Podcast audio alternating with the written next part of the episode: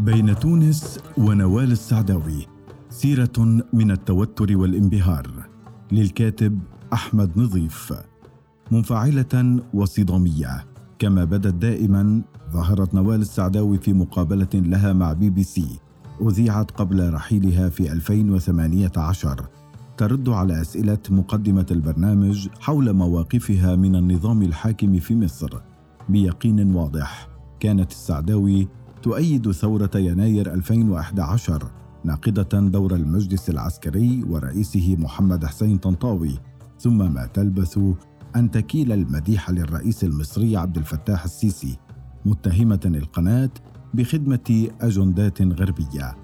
ويمتد الجدل بين السعداوي والصحفية المحاورة حتى تكشف لنا النسوية المصرية الأكثر شهرة أن موقفها من السيسي نابع من أنها وجدت في عهده مساحة للكتابة والتعبير لم تجدها في العهود السابقة.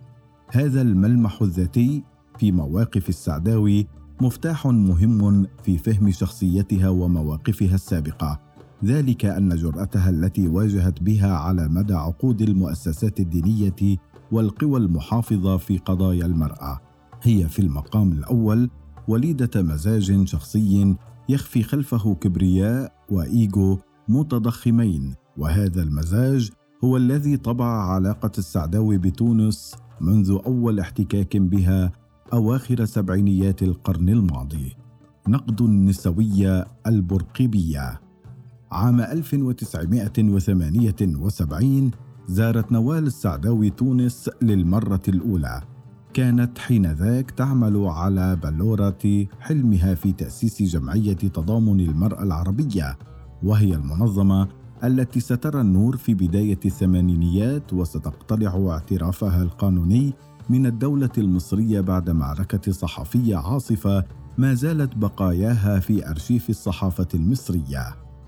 كانت السعداوي تبحث عن ناشطات نسويات تونسيات لضمهن إلى المنظمة التي كانت تحلم بأن توحد تحت سقفها العالي عموم النسويات العربيات، وقد نجحت في وقت لاحق في ذلك الأمر إلى حد ما، إذ ضمت أسماء معروفة في النضال النسوي كالمغربية فاطمة المرنيسي والمصرية عطيات الأبنودي ولطيفة الزيات والسعودية فاطمة بكر وغيرهن. لكن مساعي السعداوي في تونس انتهت إلى الفشل. ذلك أن خطابها النسوي كان بعيدا عن السقف العالي الذي كان يدور في فلكه الخطاب النسوي التونسي. إلى ذلك الوقت كان خطاب السعداوي النسوي والخطاب النسوي المشرقي عموما يدور أساسا حول قضايا الأحوال الشخصية وعقلية الشرف. لاعتبارات واقعية تتعلق بأوضاع مدونات الأحوال الشخصية في مصر وفي أغلب الدول العربية. والتي كانت تعتبر المرأة مجرد تابع للرجل من خلال حقوق مختلفة في مسائل الطلاق وتعدد الزوجات والولاية على الأطفال والحضانة إلى جانب شيوع ثقافة ربط النساء بالشرف وما ينجم عنه من ممارسات قاسية كالختان وجرائم الشرف وغيرها. في المقابل كان الخطاب النسوي في تونس في الوقت نفسه قد تجاوز هذه المسائل منذ عقود وشرع في إثارة الجدل حول قضايا المساواة التامة بين الرجل والمرأة وقضية حق المرأة في المشاركة السياسية ليس فقط في معسكر النظام الحاكم بل في مواجهة النظام في صفوف المعارضة. كانت روافد الحركة النسوية التونسية الجديدة في السبعينيات سياسية بالأساس إذ تتحدر أغلب قيادتها من الاتحاد العام لطلبة تونس ومن المنظمات اليسارية الراديكالية التقليدية كالحزب الشيوعي التونسي أو منظمات اليسار الجديد الثورية كالعامل التونسي أو التيار الوطني الديمقراطي الماوي. وكانت مراجع هذه الحركات النظرية غربية بالأساس لا سيما الفرنسية لجهة المشترك الثقافي الفرانكوفوني. هذا الفارق في الأهداف والمنطلقات بين خطاب نوال السعداوي وبرنامجها من جهة وبين النسوية التونسية الجديدة وبرنامجها أحدث منذ الاحتكاك الأول بينهما حالة من التوتر. ستطبع علاقة السعداوي بتونس لسنوات لاحقة. فالسعداوي لم تكن تفسر هذا الفارق الزمني في سقف المطالب وطبيعة الخطاب النسوي خارج فكرة هيمنة الدولة على النسوية التونسية أي أن هذه المكاسب النسوية في مسائل الأحوال الشخصية والتي قدمتها الدولة في شكل تشريعات جديدة في أعقاب الاستقلال منذ عام 1956 لا تعبر ابدا عن أن النظام السياسي الحاكم نسوي بقدر ما تعبر عن انتهازية سياسية في استغلال قضايا المرأة. من خلال نزعة أبوية في منح الحقوق للظهور بمظهر حداثي وديمقراطي. هذا التفسير الذي تبنته السعداوي والذي كان سائدا لدى قطاع واسع من اليسار التونسي الثوري خلال الستينيات والسبعينيات. سيظهر بوضوح في أول صدام لها مع السلطة السياسية في تونس. وتحديدا مع الرئيس التونسي الحبيب بورقيبة في عام 1986 تروي السعداوي في مقابلة صحفية أجرتها في تونس بعد الثورة وقائع ذلك الصدام قائلة. في زيارة لي لتونس زمن بورقيبة أجرى مسؤول إعلامي حوارا معي. سألني فيه كيف ترين المرأة التونسية في عصر بورقيبة وقد كنت؟ في ذلك الوقت ألاحظ كيف يرفع الأعلام في تونس. كما في مصر وفي البلاد العربية رئيس الدولة إلى مصاف الآلهة فأصبح بورقيبة هو السبب الوحيد في تحرر المرأة.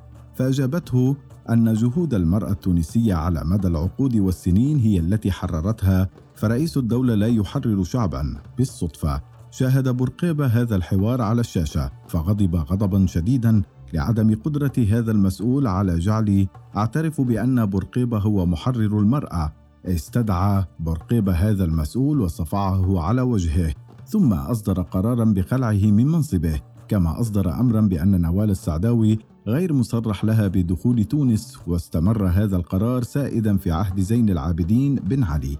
ومع أن الأمر لم يصل إلى الصفعة بحسب مبالغة السعداوي كما يروي الصحفي التونسي ماهر عبد الرحمن في مذكراته في الإذاعة التونسية يوميات حامل ميكروفون. إلا أن مقابلة السعداوي فجرت فعلا غضب بورقيبة وأرسلت مدير الإذاعة والتلفزيون التونسي حينذاك عبد العزيز قاسم إلى بيته معزولا. كان بورقيبة يعتبر ملف تحرير المرأة مسألة شخصية ملكية يحتكرها حتى أنه أوصى بأن ينقش على قبره باني تونس الحديث ومحرر المرأة. لذلك كان لدخول نوال الزعداوي إلى هذه المنطقة بالنسبة إليه تجاوزا للمحظور. ورغم الطابع الشخصي الذي أخذته الخصومة بين بورقيبة والسعداوي باعتبارهما يمتلكان الخصال الشخصية نفسها من تضخم الأنا والاعتداد بالرأي والنفس إلا أن نقد نوال السعداوي للنسوية البرقيبية الدولتية كان فيها الكثير من الوجاهة فالنظام التونسي لم يكن نسويا إلا بدافع الضرورة السياسية ولإخفاء العجز الديمقراطي الذي يبدو أنه يرغب في تعميقه. دون التقليل من قناعات بورقيبة الحداثية ولكنها حداثة ذات ثوب وضعي يقوم على تضخم دور الدولة والمجتمع والتقليل من شأن الفرد. وقد أدى ذلك إلى نوع من استغلال قضية تحرير المرأة في التغطية على قضية الديمقراطية السياسية والحريات. كما لابد من الإشارة إلى أن النظام لم يكن في أي وقت مستعد لتخطي حدود مسألة التحرير ولم يكن يرى من المفيد عبور حدود معينة أو عزل القطاعات الأكثر محافظة في المجتمع في ظل تشكيلات اجتماعية لا تزال شديدة الارتباط بالهياكل الأبوية. لكن السعداوي لا تغفل عن الإشارة إلا أن فشلها مع النخب والسلطة التونسية لم يكن مانعا لها من اكتساب شعبية لدى عموم التونسيين. تقول التونسيون قرأوا كتبي ورواياتي يأتون بالآلاف لسماع محاضراتي في إحدى المرات تعطل المرور في تونس بسبب الزحام على المحاضرة مما دعا المنظمين إلى تغيير وقتها ومكانها. فاستقل الناس القطارات لحضورها في جامعة قيروان. كان ياسر عرفات يومئذ في اجتماع بتونس مع قيادات عربية. منهم وزير الإعلام في عهد جمال عبد الناصر قال لي محمد فائق كانت محاضرتك حديث تونس. وياسر عرفات قال إن شعبيتك في تونس مثل أم كلثوم وقلت شعبية أي كاتب أو كاتبة لا تقارن بشعبية لاعب كرة قدم أو راقصة أو مطربة عادية فما بال أم كلثوم كلها. العلاقة الغائمة ببن علي. بعد عشرات أيام من هروب زين العابدين بن علي إلى المملكة السعودية نشرت نوال السعداوي مقالا في جريدة المصري اليوم تحت عنوان نساء تونس ونجاح الثورة الشعبية. سيضم لاحقا إلى مقالات أخرى ضمن كتاب امرأة تحدق في الشمس. قالت فيه منذ تولي بن علي الحكم في تونس زادت الدكتاتورية الشراسية تحت أسم الديمقراطية. بالضبط كما حدث منذ عصور أنور السادات في مصر مع الانفتاح على بضائع أمريكا وإسرائيل. تم اعتقال أو نفي أصحاب الفكر الإبداعي الحر خارج البلاد وداخلها الخديعة الطبقية الأبوية الاستعمارية تحت اسم الديمقراطية والليبرالية الجديدة. وطوال عهد بن علي لم أدخل تونس. كنت أتلقى دعوات من الشعب التونسي نساء ورجالا لكن ذلك لم يحدث أبدا. فبعد رحيل الحبيب بورقيبة عن السلطة في أعقاب انقلاب السابع من تشرين الثاني نوفمبر عام 1987 رفع حظر الدخول عن نوال السعداوي إلى تونس لتستأنف منذ عام 1989 زياراتها إلى تونس وكانت المحطة في الندوة الدولية لمهرجان قابس الدولي والذي ألقت خلاله محاضرة عن حقوق المرأة وشاركت في حلقات نسوية في نادي الطاهر الحداد في العاصمة تونس وتشير الباحثة التونسية زهرة الجلاصي في مقال نشرته عام 1999 حول تحولات قضية المرأة عبر أطور الموضوع والذات إلى أن السعداوي رغم خيبة أملها السابقة من تونس إلا أنها عادت من خلال ندوات مهرجان قابس لكن الجمهور لقنها درسا خلال حلقة النقاش حيث أدركت إفلاس خطابها لكنها لم تيأس. فقد حاولت استقطاب نسويات ومثقفات في جلسات نادي الطاهر الحداد قصد تأسيس فرع جمعية تضامن المرأة العربية التي ترأسها إلا أنها لم تلقى أي تجاوب يذكر فاكتفت بترويج العدد صفر من مجلة نون التي كانت تديرها مع زوجها شريف حتاتا وابنتها منى حلمي. جاءت زيارة السعداوي في ذلك الوقت في سياق حالة الانفتاح كانت تعيشها تونس. بعد انقلاب عام 1987 كان نظام بن علي يخوض صراعا ثقافيا مع الحركة الإسلامية ولكن لم تصل ذروة الصراع حينذاك إلى مرحلة الصدام والقمع. ودأب النظام الجديد على استدعاء مثقفين علمانيين لمواجهة المد الإسلاموي. وقد زادت وتيرة هذه الدعوات بعد عام 1991 عندما انطلقت المعركة المفتوحة بين الدولة وحركة النهضة وإلى جانب نوال السعداوي قدم إلى تونس الكاتب فرج فودة محاضرا في نقد الإسلام السياسي فيما كانت كتبه تلقى رواجا كبيرا كما منح بن علي عام 1993 وسام الاستحقاق الثقافي للمفكر المصري نصر حامد أبو زيد. في عز محنته التي كان يعيشها في مصر بسبب تكفيره وإقامة دعوى قضائية للتفريق بينه وبين زوجته الدكتورة ابتهال يونس. رغم تأكيد السعداوي على أنها لم تدخل تونس طوال عهد بن علي إلا أنه من خلال أرشيف الصحافة التونسية وأرشيف الملتقيات الفكرية والثقافية التونسية يمكن الجزم بأنها زارت تونس مرتين على الأقل. إن لم يكن أكثر الأولى في عام 1989 والثانية في أيار مايو 2001 في ملتقى المبدعات العربيات في مدينة سوسة الساحلية.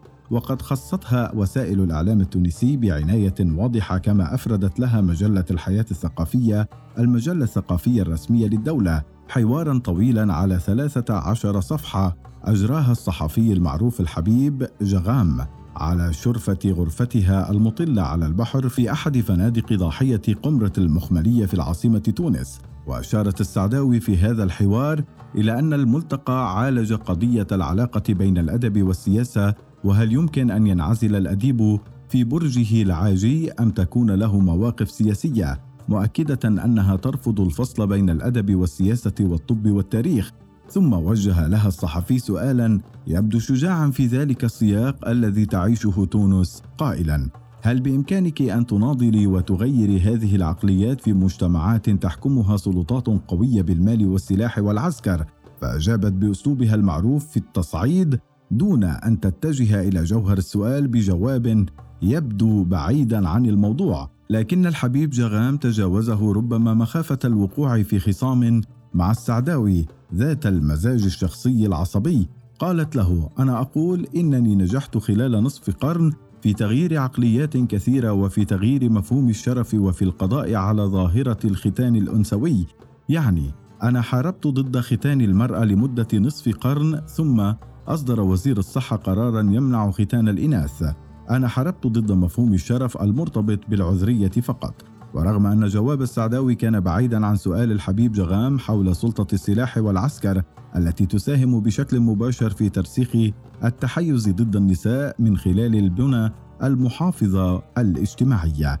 إلا أن جوابها يكشف بوضوح عن سبب التوتر الذي ساد طويلا بين السعداوي والنسوية التونسية إذ بدت المنجزات الكبيرة التي تعتبرها نوال السعداوي أكبر ما حققته للمرأة المصرية. والمشرقية بصفة عامة أشياء عادية جدا في تونس. ذلك أن جيل النسويات اللواتي عرفتهن نوال السعداوي في تونس لم تعش أي واحدة منهن في مجتمع تسود فيه عادة ختان الإناث ولا الطلاق الشفوي ولا غيرها مما عاشته وما زالت تعيشه قطاعات واسعة من النساء في العالم العربي. هذا الفارق النفسي جعل السعداوي مناضلة نسوية شديدة العادية في تونس.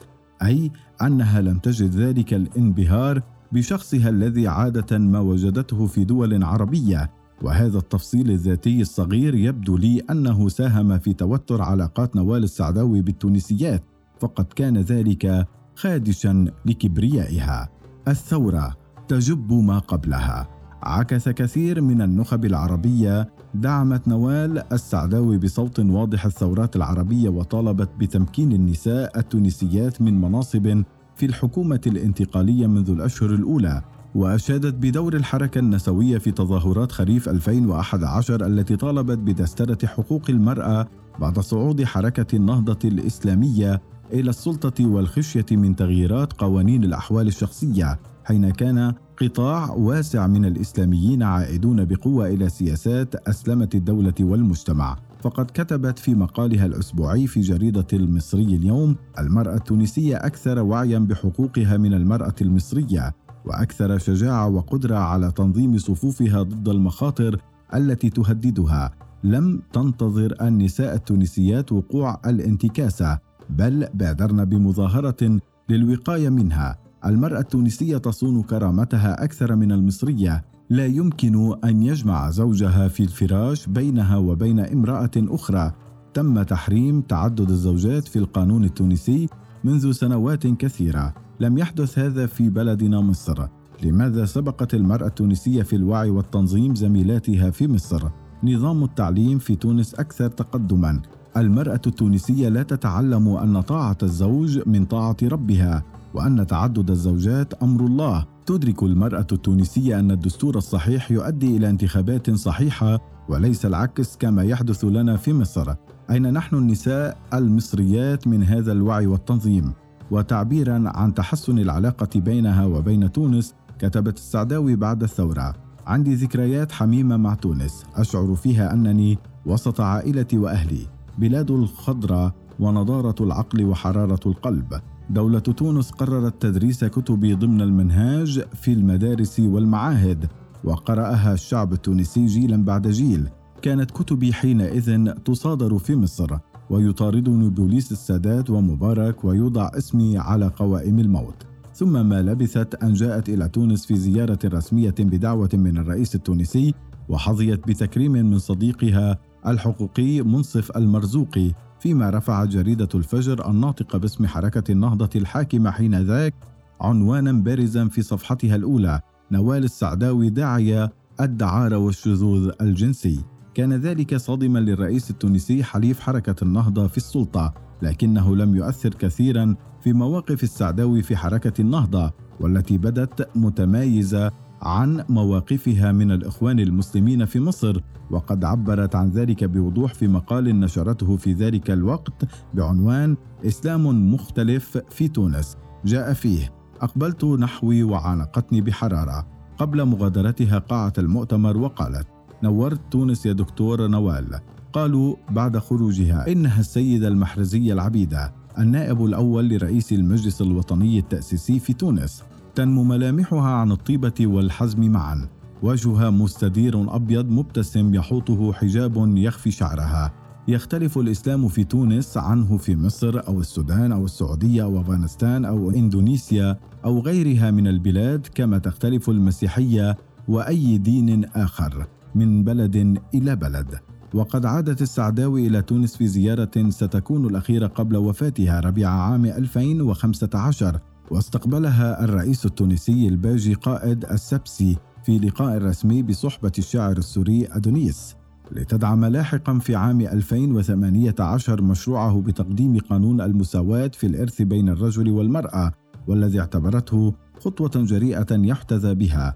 وعندما سئلت ما هو السبب في كون تونس أول بلد عربي مسلم يتخذ خطوة جريئة كهذه بشأن المرأة أجابت تونس سباقة بسبب الحركة النسائية المتواجدة بها وهي بلد متقدم بسبب التاريخ الرئيس التونسي الحبيب بورقيبة وأيضا بسبب الفكر المتقدم للرئيس الحالي الباجي قائد السبسي في الحقيقة تونس سباقة ولكن أمامها خطوات كثيرة أيضا في حالة من الاعتراف المتأخر بفضل نسوية الدولة المؤسسية أو ما كانت تسميه بالنسوية الأبوية. على أوضاع النساء في تونس قياسا بدول الجوار العربي أو ربما هو النضج إذ كانت السعداوي في غمرة الشباب ترفض المنح والعطايا التي يجود بها النظام السياسي الأبوي على النساء كما كان يفعل برقيبة لكنها أدركت ربما أن هذا المنح تقوي موقع النساء في المطالبة بحقوق أكبر والتوسع في حركة النضال.